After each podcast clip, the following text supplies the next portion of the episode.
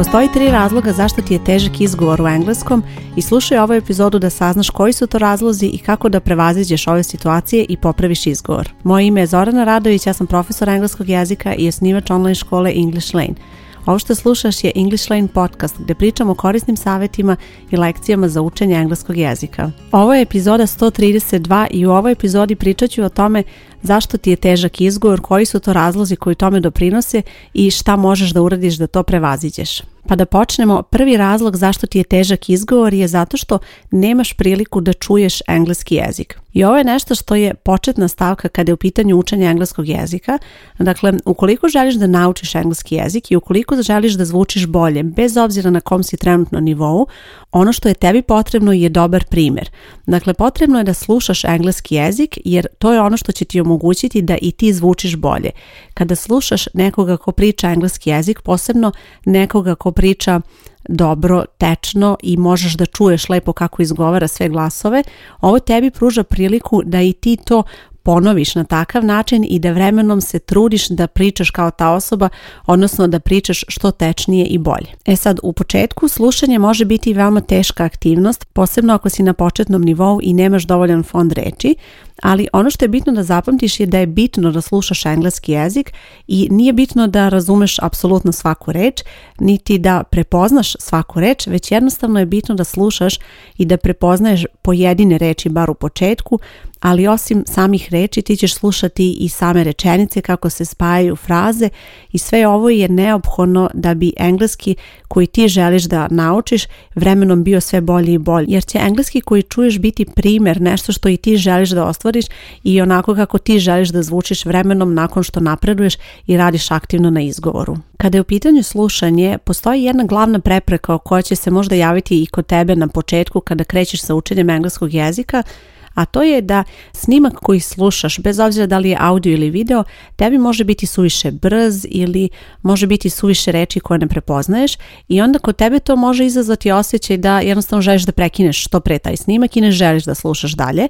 a zapravo treba da istraješ u tome jer to su prepreke koje su očekivane na početku. Dakle, očekivano je da kada krećeš sa učenjem engleskog jezika,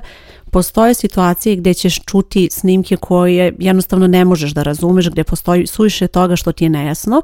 ali zato je bitno dve stvari. Prvo je bitno da budeš uporna u tome, naravno, jer jedino ako aktivno radiš na tome i ako zaista se trudiš da uvežbaš pre svega slušanje, a zatim izgovor, jedino tako to možeš i ostvariti, a druga stvar, bitno je da nađeš snimke koji su prilagođeni tom nivou na kom se ti nalaziš. Dakle, ako si na početnom nivou i ako želiš da slušaš nešto što je um, recimo neka naučna konferencija na engleskom jeziku, naravno da će ovo biti malo previše za taj period kada si ti na početnom nivou i zato je bitno da kada krećeš sa slušanjem, krećeš sa nekim jednostavnijim snimcima, sa nekim audio ili video zapisima koji su prilagođeni tvom nivou, odnosno nemaju tako veliki fond reči, nemaju neke složene konstrukcije, jer to je nešto nešto što će tebi omogućiti da koliko toliko ispratiš te snimke, naravno koliko je moguće u početku, a vidjet ćeš da vremenom što više radiš na ovoj aktivnosti, što više vežbaš slušanje,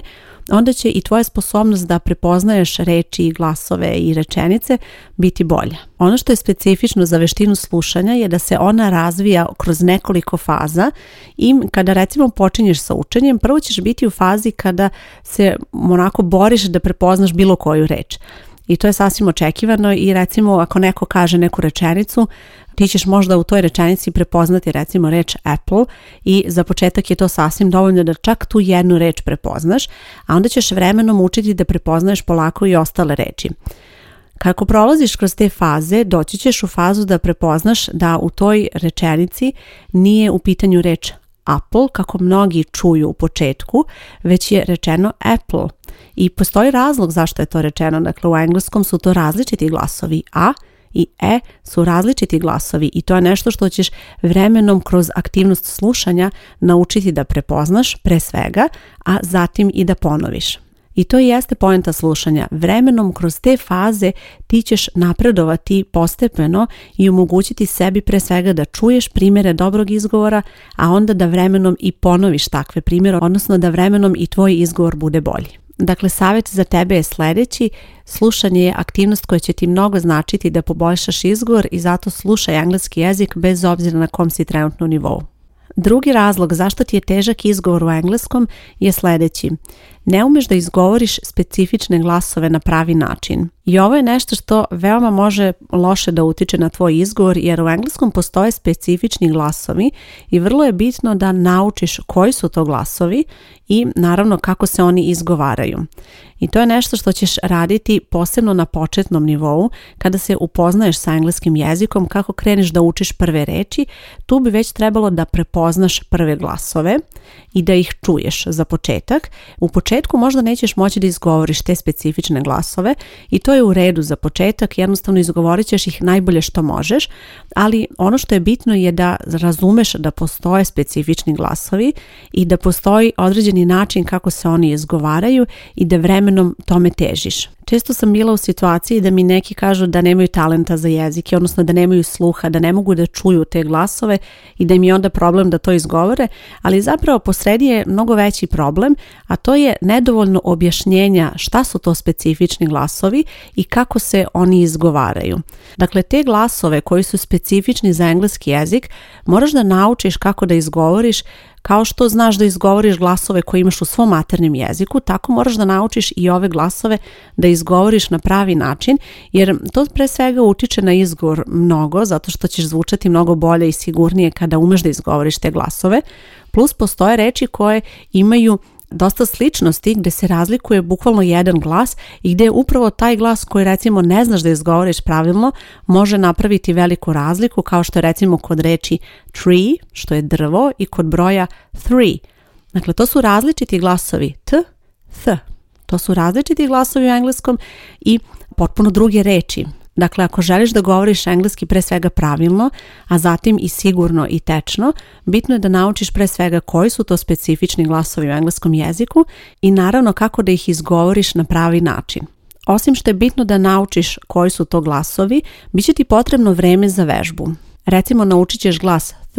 i onda ćeš vežbati da izgovaraš taj glas, ali bit će ti potrebno neko vreme da se zaista uvežbaš i da zaista stekneš tu sigurnost i da odmah prepoznaješ reči kod kojih se javlja taj glas i da onda možeš sa sigurnošću to da izgovoriš bez obzira u kojoj se kombinaciji glasova javlja.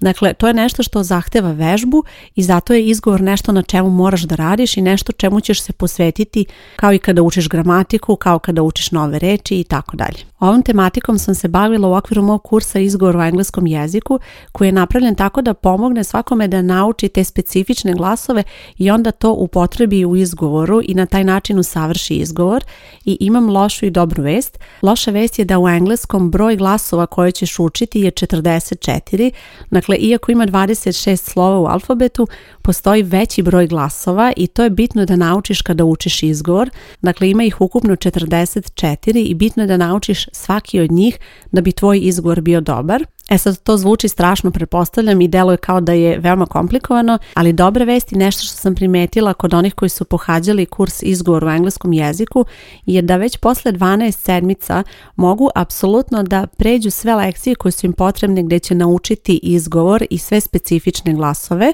ali ne samo to, kroz tu vežbu već će imati dovoljno sigurnosti da dalje napreduju kada u pitanju izgovor, jer kao što sam i već pomenula za izgovor jeste bitno da naučiš sve te specifične glasove,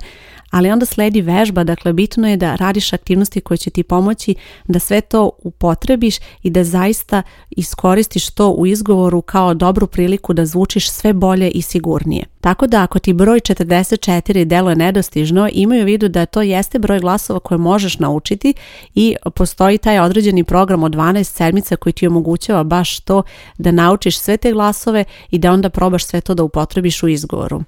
I već danas možeš krenuti da vežbaš te glasove glasove i to tako što ćeš nakon ove epizode preslušati još dve epizode English Lane podcasta, a to su epizoda broj 2 Uvežbaj ova tri glasa da popraviš izgovor i epizoda English Lane podcasta broj 25 koja se zove Dva glasa koja će usavršiti tvoj izgovor. Imali smo dva razloga zašto ti je težak izgovor u engleskom. Prvo je bila nemogućnost, odnosno nedovoljno prilike da slušaš engleski jezik, a drugi razlog je to što ne umeš da izgovaraš specifične glasove. I dolazimo do trećeg razloga, a to je zato što nikada nisi naučila fonetsku transkripciju i ne koristiš je. Pre svega, fonetska transkripcija predstavlja skup znakova, odnosno simbola koji se koriste da predstave izgovor neke reči.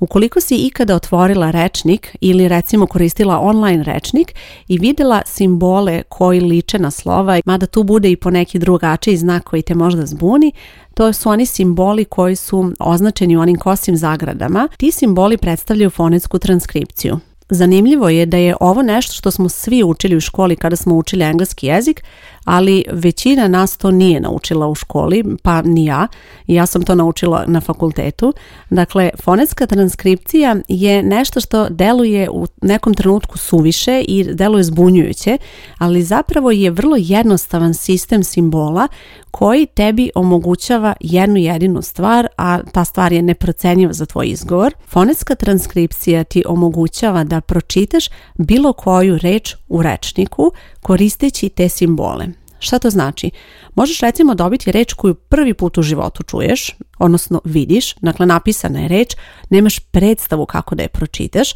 ali ukoliko otvoriš rečnik i pogledaš fonetsku transkripciju,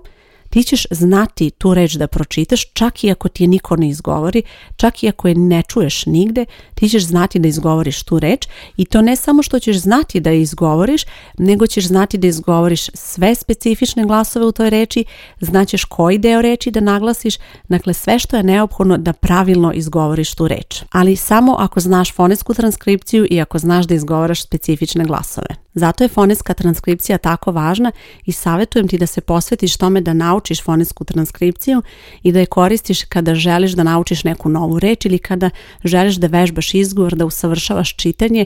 fonetska transkripcija je nešto što će ti omogućiti da tvoj izgovor bude bolji. Ukoliko želiš da naučiš fonetsku transkripciju, želiš da naučiš specifične glasove i radiš generalno na tome da tvoj izgovor bude bolji, savjetujem ti da se prijaviš za kurs izgovor u engleskom jeziku. Na ovoj stranici gde slušaš podcast bit će link ka kursu tako da možeš da pogledaš detaljno o tome šta ćeš učiti, kako ćeš učiti i kako možeš da se prijaviš. Ako ti je težak izgovor u engleskom ili jednostavno misliš da tvoj engleski može zvučati bolje i sigurnije, nemoj da očajavaš jer izgovor je nešto što možeš da popraviš bez obzira na kom si trenutno nivou i to je nešto na čemu treba da radiš i možeš da radiš, odnosno možeš da popraviš kako recimo učiš engleski i kako vežbaš gramatiku, na isti način možeš vežbati i izgovor, dakle kroz lekcije, kroz razne aktivnosti za vežbu, jer to je ono što će ti omogućiti da tvoj izgovor postane bolji prati ova tri saveta kako da napreduješ, odnosno imaju u vidu koje su to prepreke koje te mogu sputati i kako ih možeš prevazići, jer to je ono što će ti omogućiti da tvoj izgovor postane bolji. Hvala ti što slušaš podcast, nadam se da su ti bili korisni ovi saveti. Moje ime je Zorana Radović, čujemo se uskoro. Ćao!